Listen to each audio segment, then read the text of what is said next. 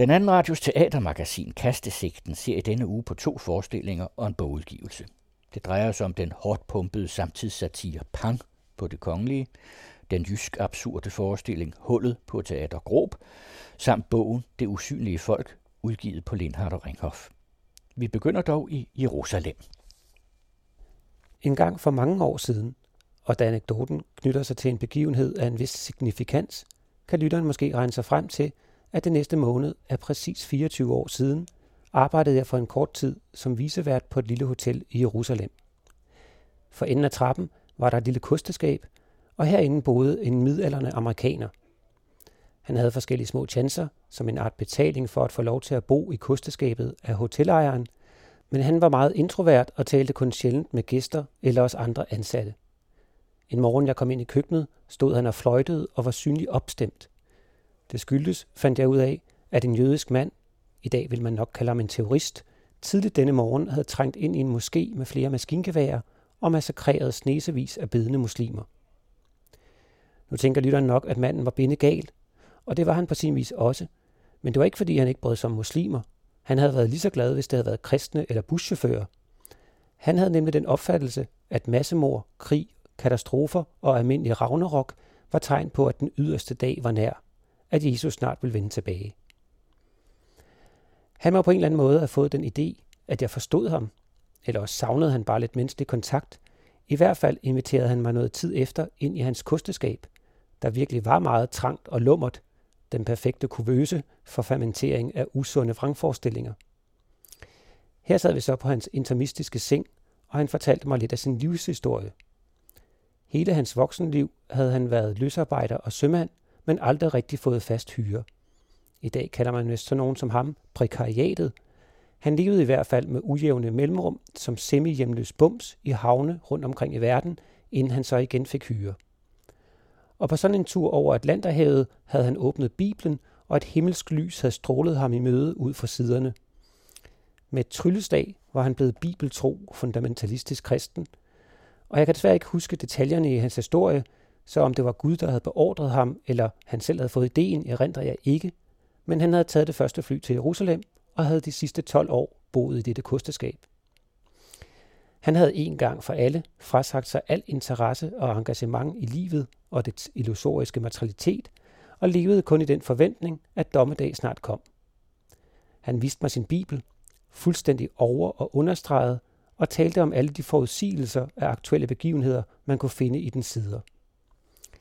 En af de ting, han var virkelig op at køre over, var det tidligere Jugoslaviens begyndende opløsning, og han fandt og viste mig det sted i Johannes åbenbaringen, hvor det bliver profeteret, at sværet skal ramme tre gange. Og det måtte jo nødvendigvis betyde, at sværet ramte samme sted første og tredje gang, ligesom en metronome. Og så var det jo åbenlyst, at hvor det første slag havde været mordet på Frans Ferdinand og den første verdenskrig, så var den så småt startende borgerkrig på Balkan tredje verdenskrig. Og han kunne næsten skimte Jesus i horisonten. Dette møde kom jeg til at tænke på, da jeg med et halvt øre overhørte en debat i P1 sidste uge mellem en folkekirkepræst og en Christiansborg-politiker. Emnet var kirkelig hvilelse af mennesker af samme køn. Præsten mente ikke, at man med kristendommens ånd intakt kunne vi homoseksuelle. Politikeren mente, at kristendommen burde tilpasse sig samfundet og tiden, og kunne ikke mindes, at der stod noget om et forbud mod noget sådan i Bibelen. Mens præsten mente, at det gjorde der, og at kristendommen byggede på Bibelens tekst, og der var en grænse for, hvor meget man kan modernisere dens budskaber og bude i iveren efter at tækkes tidsånden. Præstens argumenter var vel strengt taget temmelig fundamentalistiske, og alt andet end det, man normalt forbinder med den hyggelige, rumlige version af dansk kristendom. Og måske er det en utidig bemærkning, men jeg er i og for sig enig med præsten, og af samme grund forstår jeg simpelthen ikke denne verdens homoseksuelle, der ønsker at blive videt af og i en institution, der i årtusinder har lyst forbandelser og skærsildens pinsler over dem. Men det er et helt andet program. Og det var ikke så meget præstens ord, jeg vil henlede opmærksomheden på, men den måde, han udtalte og fraserede dem. Han talte nemlig med en lattermild og alfaderlig julemandsstemme. Indledte gerne sine replikker med sådan en godmodig klugtende latter, ho ho ho ho. En latterliggørelse, om man vil. Han afviste et hvert af modargumenterne i et toneleje, som om, at det var der, der virkelig ikke noget at diskutere. Det vidste alle en hver, der gad at sætte sig ind i emnet. og hans opportunistiske moddebattør vidste tydeligvis ikke, hvad han talte om. Stemmen osede af selvtillid, selvfedme og en selvkroning som sandhedens vogter og rygter. Kender I typen? Jeg synes, jeg ser og især hører ham og hende overalt i medievirkeligheden. Og netop denne type er omdrejningspunktet i stykket Pang på det kongelige teater. Og netop denne lune, folkelige, forførende, forfladigende, fanatiske fløjlstemme, der hele tiden tager publikums tavshed til indtægt for en accept af de mest bizarre holdninger og fortolkninger, bliver spillet og især udtalt med mageløs, næsten magisk finesse af Mads og Brolin Tanni. Han spiller så fantastisk godt, at man mens stykket går over scenen, umærkeligt oplever, at man ikke længere rigtig kan skelne skuespilleren fra karakteren. Man begynder at frastødes af ham, måske ligefrem nære had til ham. Det er stor skuespillerkunst, der i mine øjne sprænger skalaen for, hvor mange hjerter eller blodstråber, der kan gives. Og hvis du, som jeg, ikke havde hørt om Mads Rømer Brolin Tani før, så er det vores egen skyld. Han fik faktisk Rømerts talentpris tilbage i 2010, og har siden da været i ensemblet på Aalborg Teater, men er altså nu et skub på det kongelige. Stykket Pang, oversat fra det tyske Peng, er af den unge tyske teaterkomet Marius von Meinburg, og ifølge ham selv skrevet som en reaktion på valget af Trump. Altså meget aktuelt. Men det ser lidt bredere på trumpismen, og forfølger helt bogstaveligt, hvad Meinburg ser som en voksende barnlighed hos magthaverne. Han nævner som eksempel, at i flere og flere lande er det nu ulovligt at fornærme magthaverne eller nationen. Dette ikke helt modne træk i vores samtid bliver fortalt gennem stykkets hovedperson, Rolf Pang, der endnu ikke er født, da stykket begynder, og som trods, at han bliver præsident inden stykket er forbi, på dette tidspunkt ikke er nået ud over sit femte leveår. Hele fortællingen foregår altså i dette sære, infantile, førskolesindslandskab, hvor alt på en eller anden måde er tilladt, eller i hvert fald hurtigt bliver tilgivet af de overbærende, velmenende forældre, spillet næsten lige så fremragende af Morten Burjan og Stine Schrøder. Undervejs kommer man igennem en lang række af de ting og udfordringer, som omgiver og irriterer os. Lige fra flygtninge, reality-tv, ligestilling til veganere, fake news og klimaforandringer. Ja, en tysk anmelder havde som overskrift til sin anmeldelse, der penis is schuld om klimavandel. På jævn dansk, pikken er skyld i klimaforandringerne. Og det er da også en af stykkets stærkeste og mest tankevækkende sekvenser, der hvor testosteronens betydning for vores verdenshistorie kommer under ukærlig behandling. Stykkets ubestridte højdepunkt var for os i midlertid, der hvor Ralf Pang kægt spangulerer rundt på scenen og op langs stolerækkerne iført blæ og kauserer med denne lattermilde og dialekt over voldtægt, og hvorfor det nu skulle være så slemt. Han minder os om, at det kun er så sent som i 2013, at voldtægt inden for ægteskabet blev gjort ulovligt, og hvis det ikke er et tegn på, at kvinden også dybest set gerne vil voldtages, så tænk på, hvor vi ville være henne, hvis ikke der var lidt lystvoldtægt i ny og næ. Og mens denne perfide ordstrøm løb os i ørerne, fornemmede man en ubekvem røren på sig blandt det kvindelige publikum, og her stoppede han op, helt tæt op af forreste række, og kiggede udfordrende og smilende ud på os. Er der nogen, der er uenige? Og så løfter han hånden til et high five, udser sig en kvinde på forreste række, og ja, jeg ved ikke, hvad der foregik inde i hende. En slags hypnotisk kraft udstrålende for Rolf Pang fik hende til at løfte hånden og give ham high five. Og i dette øjeblik gik der et kollektivt kuldegys gennem hele 6. række, hvor jeg sad. Det var sgu hård kost og det gav gåsehud på sjælen. Og dette greb, ikke helt så fysisk, men alligevel, benyttede Pang sig af flere gange. Og hver gang sad vi alle tavse eller forvirrede. Det var jo teater, det er jo ikke rigtigt. Det var jo ikke meningen, at vi skulle bryde ind, selvom han tiltalte os. Hvis nogen af jer har set den svenske guldpalmevinder The Square, så er der her en scene, hvor en performancekunstner ene mand terroriserer flere hundrede gæster på en sadistisk forvirrende måde – mens alle dem, der ikke bliver direkte involveret, dukker hovederne, håber på, at det går over.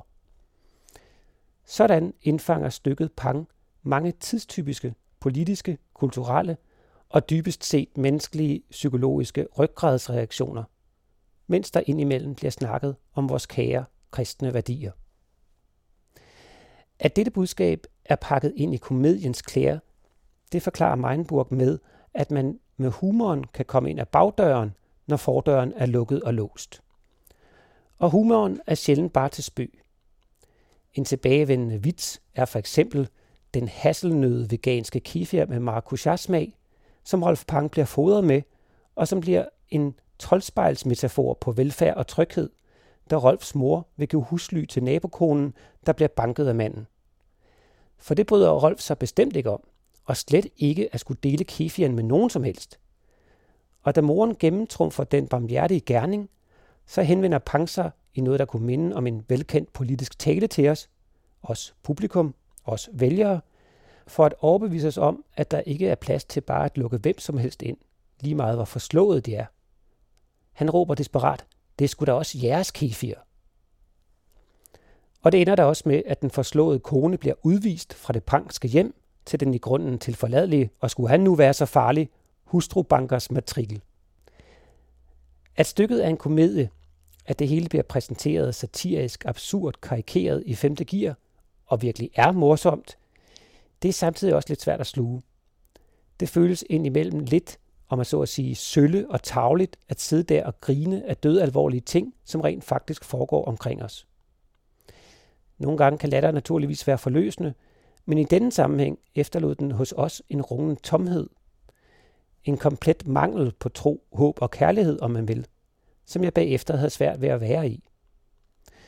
Og da jeg efterfølgende sad i det kongelige foyer og sloges med denne ubehagelige følelse, noterede jeg i min lille anmelderbog, at hvis stykket ellers havde noget budskab midt i dette satiriske overdrive, så var det snarere end testosteronteorien, det at vi, der stadig bilder os ind at stå for nogle værdier, og det er sådan set underordnet om de kristne, humanistiske, demokratiske eller naturvidenskabelige, vi må til at vågne op til det faktum, at de kræfter, der nedbryder dem, denne verdens infantile præsidenter, de spiller ikke efter nogen regler.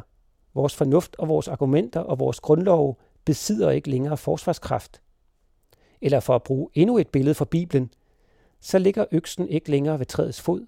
Den er i hånden på Rolf Pang. Og hvis vi ikke ønsker at se træet fældet, at have noget at tro på, må vi tage os sammen og komme ind i kampen. Der er i mine øjne kun et minus ved stykket, og det er det lidt påklistrede reality-tv-spor, der også kører. Det er som om, at stykkets forfatter, efter at have skrevet teksten færdig, har fundet på, at det hele skal have endnu et meta-meta-lag, og derfor har trukket en reality-tv-vært op af hatten og ned over hele fortællingen. Det synes jeg faktisk ikke virker særlig godt. Personligt mangler jeg ikke den dimension, for hele stykket er allerede et omvendt reality sort troldspejl af os og vores laveste instinkter. Mens jeg sad og så stykket, faldt en sætning fra et digt ned i min bevidsthed. The best lack all conviction, while the worst are full of passionate intensity. Og det kommer her på dansk. Genkomsten. Kredsende i stadig større cirkel kan falken ikke høre falkoneren. Ting går i skred, for centret holder ikke, og anarkiet slippes løs på verden. En toget blodtid rejser sig, og druknet er uskyldsritualet overalt. De bedste savner tro, imens de værste er mættet med fanatisk lidenskab. Sikkert en åbenbaring er for hånden. Sikkert er Kristi genkomst nær forhånden. Genkomsten. Knap er ordet udtalt, før et uhyre billede af spiritus mundi tynger mit syn. Et sted i ørkenens sand bevæger en figur med løvekrop og hoved som et menneske sig. Et blik så blankt og medyngstomt som solen.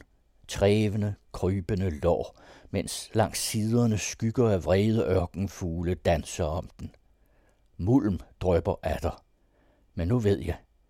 20 århundreder af stenhård søvn blev pint til mareridt af rytmen fra en vugge. Og hvilket dyr, hvis time nærmes, kravler mod Bethlehem for der at blive født. Det var Carsten Faro, der læste Torkel Bjørnvis oversættelse af en af mine yndlingsdigtere, Yates, skrevet for 100 år siden i 1919.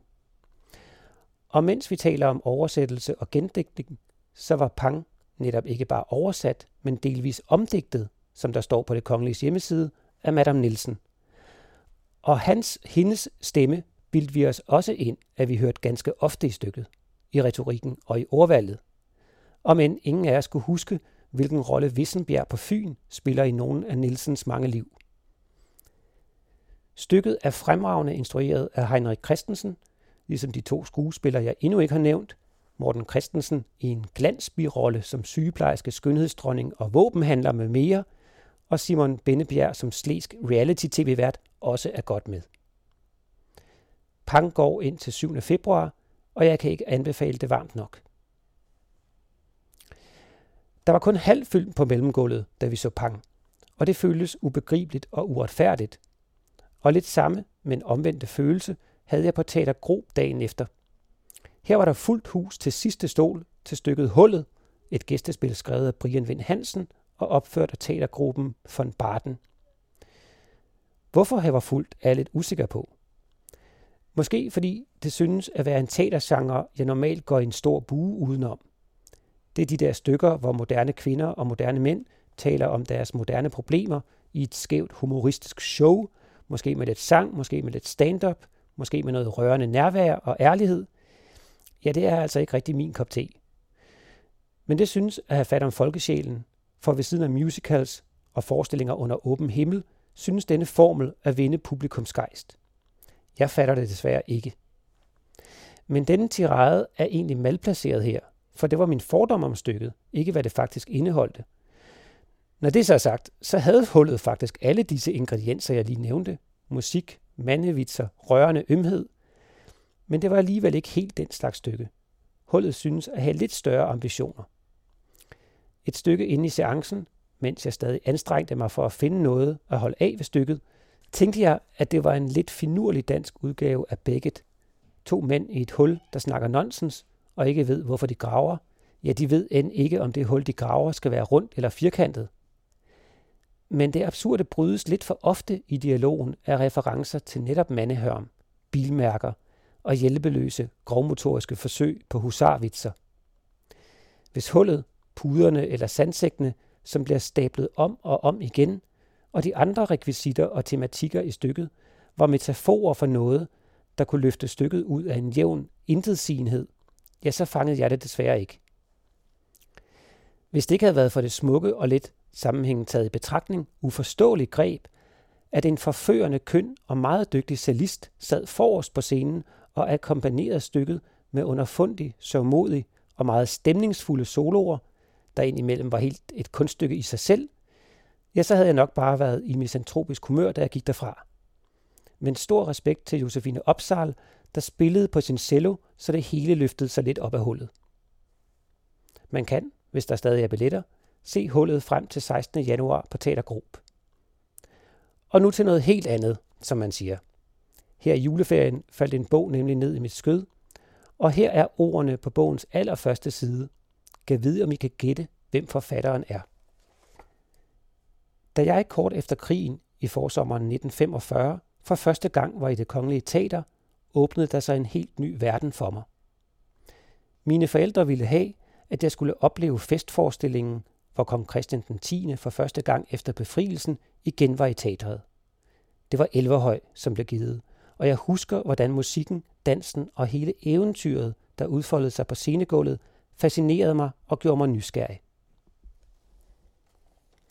Ja, det var som hendes majestæt dronningen, og bogen, hun skriver i, er det usynlige folk, en rigtig coffee table bog om det kongelige teater, udgivet på Lindhardt og Ringhof, og fyldt med vidunderlige anekdoter og historiske fakta fra det københavnske teaterliv. Bogen, der har været undervejs i en årrække, er skrevet om og dedikeret til de mange hænder bag scenen på det kongelige, heraf navnet Det usynlige folk. Men der er også plads til så mange gode historier, finurlige detaljer og celebre personligheder, at selv en gavet teaterkender vil finde guld i bogens 239 sider. Jeg tænker, at vi måske kan vende tilbage til bogen og få en snak med forfatteren senere på sæsonen, men for dog at give lytteren en lille smagsprøve, slog jeg op på en tilfældig side i pragtværket, og her står. 1699 blev den kunstelskende Frederik den 4. konge, og inspireret af sine oplevelser i de europæiske fyrstehuse, ville han også have et operahus. Så i 1703 åbnede han landets første fritstående teater, Operahuset i Bredgade, det nuværende Østre Landsret. Det var især den italienske opera, han begejstredes over, mens de franske tragedier kedede ham inderligt. Efter sine synes han, de var lige så kedelige som de klippede hække i Versailles. Begejstringen for den italienske opera derimod var han temmelig ene om i København, og snart blev operahuset mere brugt som skuespilshus.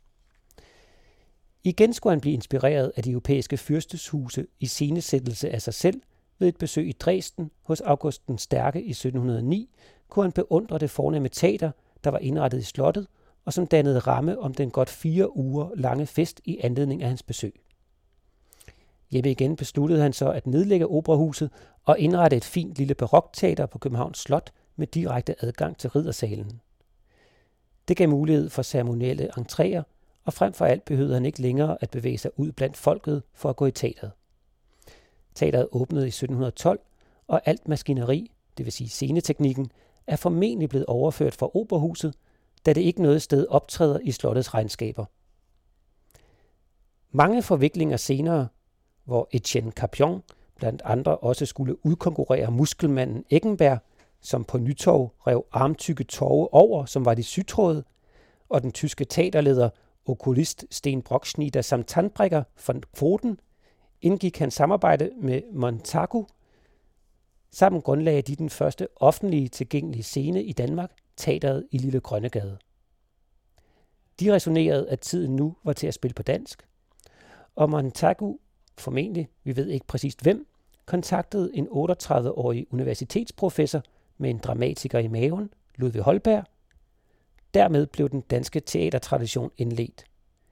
Den 23. september 1722 kl. 5 spillede man således for første gang offentligt på dansk. Montagu og Holberg lagde dog ud med Molières komedie Knigeren for at være på den sikre side, og to dage efter, den 25. september, havde nyskrevet dansk dramatik sin verdenspremiere, nemlig i form af Holbergs Den politiske kandestøber. De to dage kan med al rimelighed betragtes som dansk teaters dåb. Så ved vi det. Om fire år og ni måneder kan teateret fejre 300 års jubilæum. Det var ordene for denne gang. Se citatet. Det var Rasmus Blæde Larsen, der havde tilrettelagt.